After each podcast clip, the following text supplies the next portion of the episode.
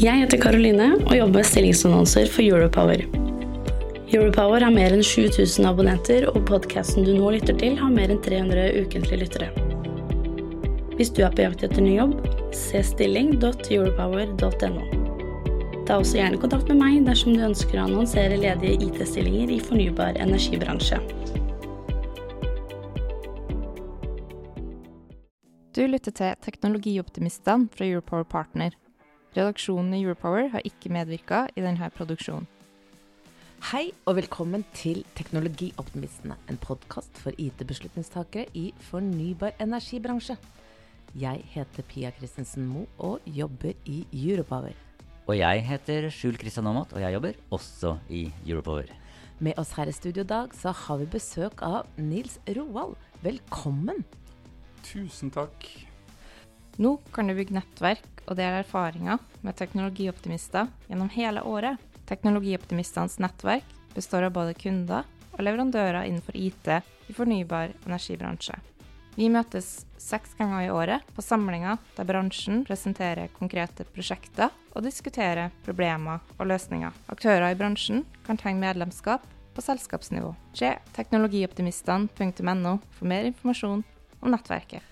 Vi starter med det enkle spørsmålet, vi. Hvem er du, Nils? Nils uh, heter Nils Roald, og Roald det er et sted på Vestlandet, på Vigra utenfor Ålesund. Uh, og veldig mange spør meg uh, hva er etternavnet ditt? Og da svarer jeg Roald. Og av og til bruker jeg mellomnavnet Nils Gunnar Roald, bare for å få frem Roald. En stolt uh, vigring, sjøl om jeg hele tida har bodd i Ålesund og Oslo. Vi pleier å eh, Et spørsmål som vi også stiller alle, eh, alle de vi har på besøk her sånn i podkasten, er Har du en fun fact om deg selv? Fun fact om meg sjøl, ja. Ja, eh, jeg har et diplom fra Guinness World of Records. Og okay. jeg har en verdensrekord, Ja. men jeg har aldri gjennomført det. Nei. Nå må du, for, nå må du forklare. Nå må du Ja. Som sunnmøring så går du mye i fjella, Sunnmørsalpene. Og jeg var med faktisk på å sette verdensrekord på å gå høyest, flest mulig folk på toppen av et fjell, et, na- en nasjonsfjell. Galdhøpiggen, så det var ikke veldig eksotisk. Men det var Thea som hadde et event og skulle prøve sammen med ansatte og med, med partnere å sette den rekorden. Litt usikker hva han endte med, men 1500, 1600, 1700 personer. Og da starta vi jo omtrent samtidig i tre puljer fordelt på tre startpunkt. Og jeg hadde kjørt fra Oslo natta før. Og så hadde vi tatt en tur på puben, så jeg tenkte jeg stiller bakerst. Og rett før de avslutta, for da står det en kar i pinstripe, dressen sin, og fra, fra Guinness, og så står han med en sånn port. Og like før det var liksom kanskje 20-30 personer igjen, så må jeg på do. Jeg går på, jeg går på do, kommer tilbake igjen, og jeg er siste som blir losa før han lukker porten. Og så er det bare å gå opp. Men da er det som å gå rundt Sognsvann på en av de beste dagene. Du går i kø, kø i gjørme i oppoverbakke.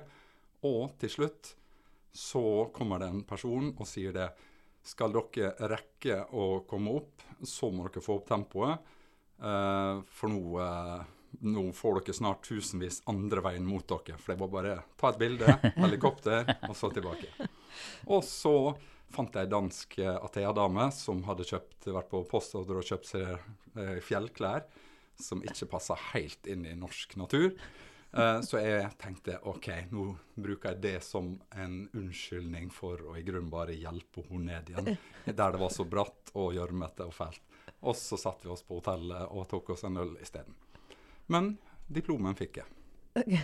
Gratulerer. Takk. Det er litt morsomt, da. I forrige, I forrige episode så hadde vi inne en verdensmester i skreifiske. Ja. Så jeg føler det er godt. jeg jeg det føler- spørsmålet her begynner å bli bra. Ja. Altså. Jeg er helt enig. Yes. Yes. Hva jobber du med, Nils? Du, det jeg jobber med, det er å, å prøve å utnytte data som vi har i dag. Uh, og spesielt da innenfor energisektoren, og mer generelt i elektrifisering av samfunnet. Det å, å, å bruke massevis av sensorikkdata til å optimalisere, uh, forbedre prosesser vi har i dag. Og en av de største problemstillingene vi har i dag, det er at eh, vi produserer strøm, men vi forbruker det på andre tidspunkt enn vi produserer det. Og det å kunne balansere det, balansere effekten utover tid, eh, det å kunne unngå store uhell med at eh, transformatorstasjoner går ned eller linjer faller ned, fordi du ikke klarer å, å pinpointe når eh, utfordring kan skje. Og hvis det smeller, hvis du får en eller annen kjempestorm eller noe sånt, det å kunne raskt kunne se her er feil, eh, eh feilen. Eh, her er komponentene som feiler, hvor har jeg kompetansen som kan hjelpe til, og hvordan du da raskest mulig kan komme opp igjen.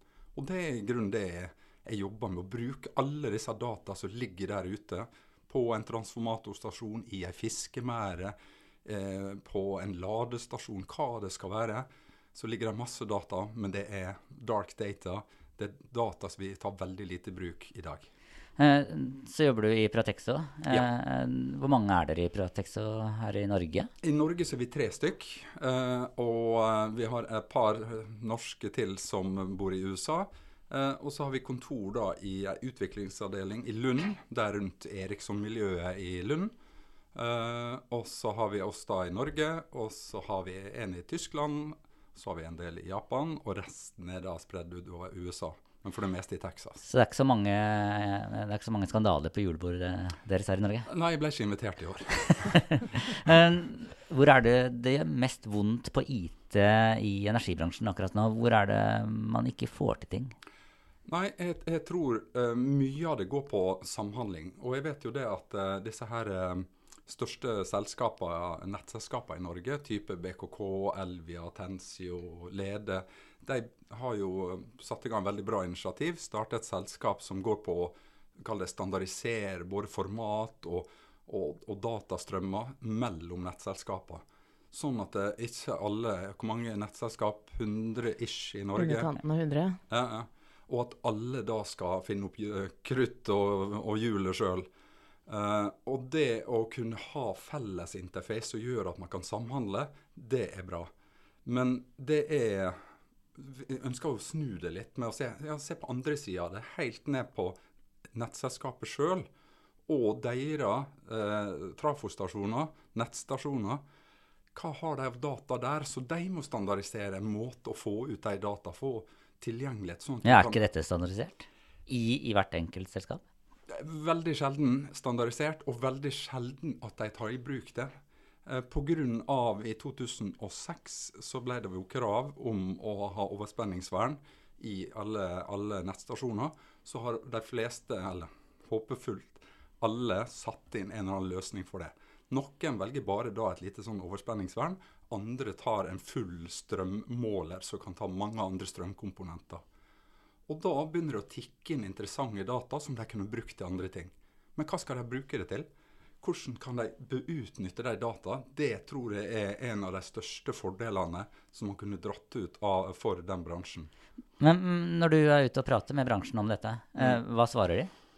De svarer at yes, det her er vi veldig interessert i. Eh, Men? Nei. Ja, men hvor, hvor starter vi? Eh, og så vet vi at det er en bransje som er ganske kall det klassisk. Eh, de har drevet på i mange år. Eh, mange av utstyrene vi må kunne interface med, er kanskje 50 år gamle. I hvert fall når du går på produksjon, kanskje enda lenger. 80 år gamle turbiner. Og her finner du massevis av forskjellige teknologier. Du har rammeavtale på trafostasjoner. Eh, så ene tiåret så har du ABB, andre året har du en annen leverandør. Og det å da å finne alle disse her forskjellige Kunne sammenligne eple og eple. Eh, kontekstualisere de data du får fra så mange forskjellige kilder. Men i tillegg legge til nye ting som termiske kamera. Eh, du kan legge til fuktsensorer, eh, termometer, lyd. Vi driver og lytter til transformatorstasjoner. Eh, og da er det lite standard i bransjen Ser de på oppgaven for stor, da? Med all den dataen som de skal da samle sammen? At det blir for, det blir for mye å håndtere? Er det der hindringen er, eller er det Nei, jeg tror de fleste tenker at vi, det, det, Jeg føler det er et generasjonsskifte. Det er de som har jobba lenge i den bransjen og starta kanskje som montør på litt fleipete på 50-tallet, men i hvert fall har, har vært i den bransjen lenge og gjør det samme som de alltid har gjort. Og så har du kanskje noen yngre krefter som har kommet inn i nettbransjen, som tenker OK, her må jeg tenke innovasjon og teknologi og kunne bruke data sånn som vi har gjort ellers i samfunnet. Uh, problemet har vært hvordan, skal du få prosessert dataene dine. Mm. For det som er spesielt med nettselskap, det er at de er superdistribuert. Det er en del av konseptet. De er spredd over hele Norge. Uh, ifølge NVE skal det være 600 000 uh, nettstasjoner i Norge. Og klart, da har du litt utfordring med å finne hvor har jeg fiber her. En tommelfingerregel, hittil i hvert fall, som jeg har gjort uh, etter å ha snakka med en god del nettselskap, det er at 20 av nettstasjonene har fiber. Resten har ingen konnektivitet annet enn trådløs. Og da må du inn med type Telenor og 5G, tanker rundt hvordan skal vi bære disse her data over. Og så vet vi at uh, du tidligere har pratet en del om det om å demokratisere data. Uh, hva mener du med det? Ja, Demokratisere data det er på den måten at istedenfor at uh, i IOT-prosjekter man har en sensor, så følger det veldig ofte en liten sensor med. Så følger det en eller annen uh, compute-enhet, en liten mikrochip som prosesserer de data. Og så sender han opp til en skytjeneste av en eller annen flavor. Problemet er når du da kanskje har 10-20-30 forskjellige typer sensorer, så har 10-20-30 uh, instanser, individuelle instanser i skya, og så skal du drive og kombinere disse her. Og istedenfor å legge det helt ute der data blir skapt, istedenfor å sende alle data til en sentral site, så sender du heller algoritmer eller applikasjoner som skal kverne gjennom dette her, helt ut på der data blir skapt. Og Det er det vi jobber med da med edge computing, at du gjør selve prosesseringa der nede. Men, men hva, hva, er egentlig forskjellen? Altså, du nevnte Lede, Elvia, BKK osv. Altså, de prøver jo å bryte ned siloer når det gjelder dataflytt. Ja. Uh, men du snakker om siloer uh, på infrastrukturnivå? Altså, hva, ja. hva, er egentlig forskjellen her? Uh, forskjellen er at uh, de ønsker å bryte ned mellom selskapsstrukturene, måten de har implementert sine løsninger, men også kall det mer IT-retta data, som ERP-system, uh, effektdata. Ting som er godt for både samfunnet og det andre selskapet å kunne dele mellom seg. Mens jeg vil kalle det demokratisere da alle disse sensordata fra SCADA-system, PLC-system, Eh, strømmålerne inne i trafostasjoner. Eh, skal vi se på AMS-målerne på da nettselskapets side av den todelte boksen. Eh, vi har ja, som jeg sa, termiske kamera, mikrofoner som tar opp summinga av en trafo. Kan vi bruke disse her data til noe? Men hva blir, hva blir gevinstene? Gevinsten blir at vi kan tidligere Vi kan f.eks. gjøre Eh, mer uh, predictive maintenance. Ja, Sånn at du eh, gjør vedlikeholdet i forkant istedenfor at trafoen stopper eller tiden ja. stopper? Ja. ja, du kan gjøre det. Du kan tidligere uh, identifisere rotårsaken til en feil. Uh, du kan hjelpe til med å unngå nettap, for du sier det er støy, altså harmoniske svingninger i, i nettet ditt. Hva er grunnen til det? Hvor kan jeg finne kilden til det, sånn at jeg kan få luka det bort? Uh, og ikke minst optimalisering av drift. Og NV har jo satt en, en, en sånn her kostnadsmal for, uh, for nettselskapene. Hva har de lov, altså rammeinntektene, hva kan de leve av? Og det er, styrt mye av sånne komponenter som vi kan da adressere. Er det litt sånn at når du går inn i et uh, møte og skal overbevise kunde, mm. så sitter du og håper litt på at den på andre sida ikke er så gammel? Nei, det, det, vil jeg ikke si. Fordi alle er opptatt, og alle har fått med seg Det er kanskje lettere Men du, å få, men du sa det, jo, altså, det, det finnes to typer ja, Det er kanskje lettere å få det over budskapet. Uh, og, og, vi snakker en ganske kompleks uh, teknologi og en kompleks uh, nytenkning av dette. her. For tidligere Jeg jobba i et selskap, eller mange selskap tidligere der alt skulle flytte til sky. Flytte til skya. Vi ble, fikk til og med bedre lønn hvis vi solgte akkurat det samme, og det ble sendt til sky.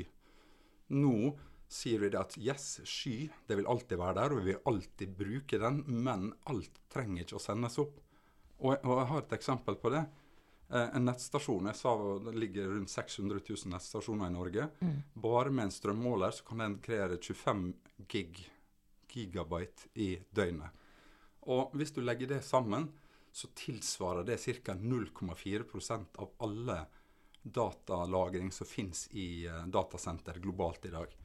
Men hva er det som står i veien da, for å demokratisere data? Ja, det som står i veien, er vel at vi må ut og snakke om det og forklare og vise effekten av det. Fordi teknologi eh, er ikke svaret på noe av spørsmålene. Teknologi som løser utfordringer, er svaret. Så vi må kunne mappe teknologien med utfordringene som kundene har. Og det er det jo det vi sakte, men sikkert har begynt på. Eh, for et par måneder siden så arrangerte vi en konferanse for IT-beslutninger i energibransjen. Eh, 215 deltakere i sal. Mm. Eh, da stilte vi spørsmål til sal eh, om hva som står i veien for bedre samhandling i, i, energibransjen. Og da var det unisont svar kultur. Kultur. Mm. Hvordan vil du si at kulturen er på, på kundeside?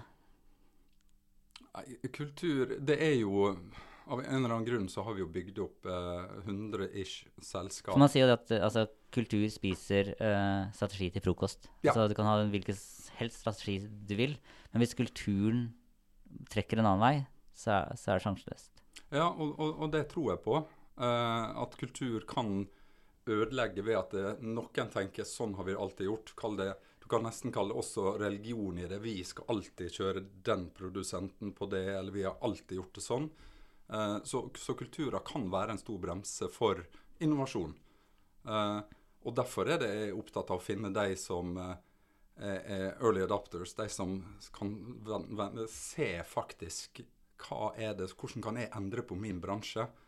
Og, og flere av de som jeg snakker med, kommer ikke fra energibransjen eller nettbransjen fra før, som er kanskje en mer konservativ bransje. Og det tar lengre tid, fordi man har har man satt inn en transformator, så skal du vente han står der i 50 år. Forstår du at de også må være litt konservative? Altså er, man, oh, yes. ja, for altså, Hvis nettet går ned, så hjelper det ikke å være så innovativ du bare vil. Altså hvis, hvis folk ikke får strøm. Nei, og, og, og, derfor innovasjonen ikke skal være der fordi at du skal lage artige løsninger, men for at du skal lage mer stabile løsninger. Du kan balansere strøm og effekt i nettet. Eh, teknologien må understøtte det at vi, dette her er kritisk infrastruktur og han må være sikker. Du nevnte her sånn også flere forskjellige bransjer som dere da eh, henvender dere til. Mm. Eh, sånn som da Skjul sier her sånn at det ligger noe i kulturen, liksom, mot da kraft- og energibransjen. Er det stor forskjell å se på hvordan dere presenterer dere selv mot de forskjellige bransjeområdene? Eller er det, eh, eller er det den samme måten å komme med eh, dette her er hva vi kan gjøre, dette her er vår innovasjon? Eh, det er vel uh, omtrent det samme.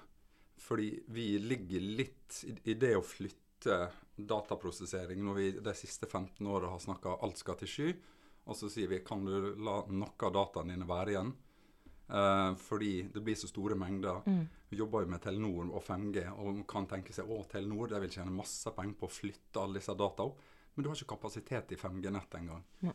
Eh, så, så det å det å, å, eh, å, kunne prosessere data nærmere der det blir bygd, det, det, er litt nytt. Og derfor så føler jeg om jeg snakker med fiskenæring, om jeg snakker med, med maritim sektor, uh, manufacturing, uh, prosessindustri, så, så har alle samme type tankegang. Det tar litt tid før de ser å, her er effekten jeg kan få av det. Men hvem er konkurrentene deres? Konkurrentene våre er for det meste å ikke gjøre noe med dataene. Dessverre.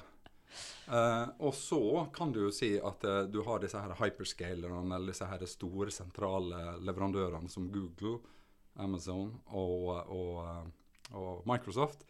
Men i kritisk infrastruktur som vi er, så har de litt begrensninger, for de kommer fra den store sentrale skya, mens vi bygger de egen sky hos, på innsida av uh, din perimeter? Jeg merker det at uh, Eller ja, det med skibegrepet uh, Ski er ikke ski. Nei. Er, og, og, og, jeg jobber med Edge, og Edge ja. er ikke Edge heller. Vi, vi, vi, vant en konkurranse. ABB har en sånn elektrifiseringskonkurranse som vi vant i mai. Uh, og det var 100 pluss selskap som var med. Og alle snakka om Edge, og websidene er helt like. Så edge Ah, ja. og sky og hybridsky og Vi, vi er for Mikrosky. begge deler. Vi bare, ja, og mikrosky som vi jobber med. Mm. Eh, det vi er opptatt av, det er hva er eh, Hvorfor har du ei sky? Jo, du kan skalere raskt. Du kan prosessere, og du kan gjøre det på et ganske så eh, kontrollert område. Men nå er det blitt sånn Hvordan bruker du skyen? Ja, Før var det vi flytter alltid skyen, og nå er det hvordan skal vi bruke den på en mest effektiv måte? Ja, fordi eh, f.eks. en AI-algoritme eh, som ser på noe som heter partial discharge, eller glimming i en trafostasjon. Kjempelurt at den ligger helt der ved trafostasjonen, så slipper vi å sende masse lydfiler. Vi slipper å sende temperaturdata, saltnivå i lufta, data, masse andre data. Fordi det skjer utrolig sjelden. Det er veldig dumt å sende masse av disse data. Men for å trene med treningsdata og trene AI-algoritmer, aller beste sted er i den public cloud.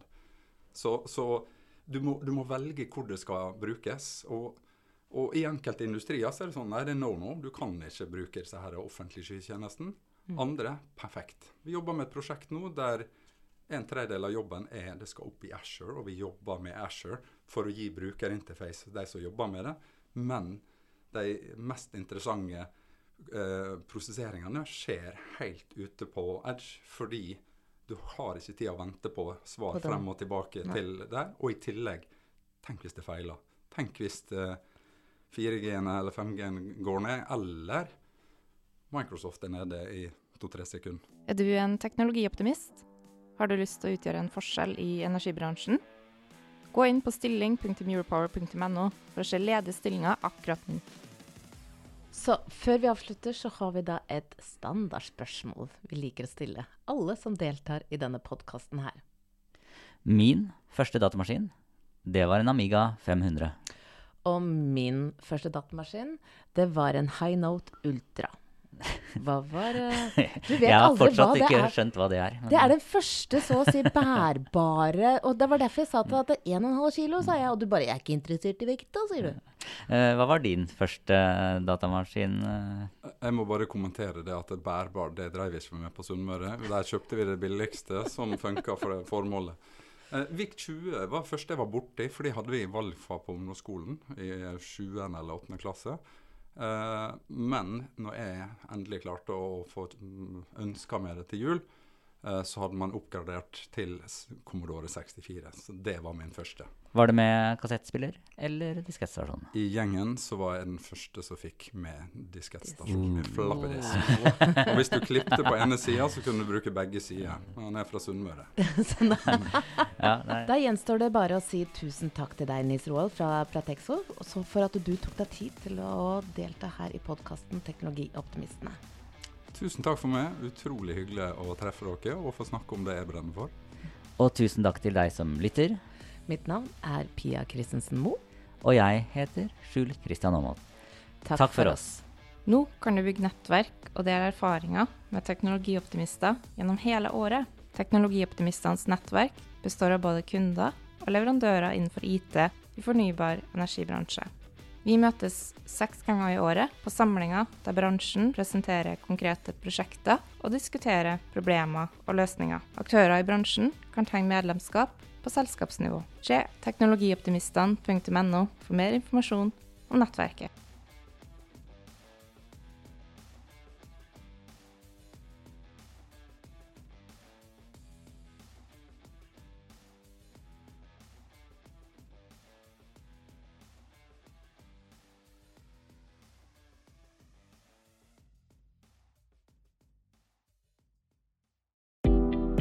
Jeg heter Karoline og jobber med stillingsannonser for Europower.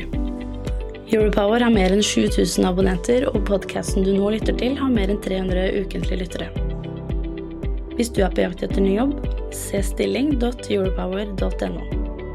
Ta også gjerne kontakt med meg dersom du ønsker å annonsere ledige IT-stillinger i fornybar energibransje.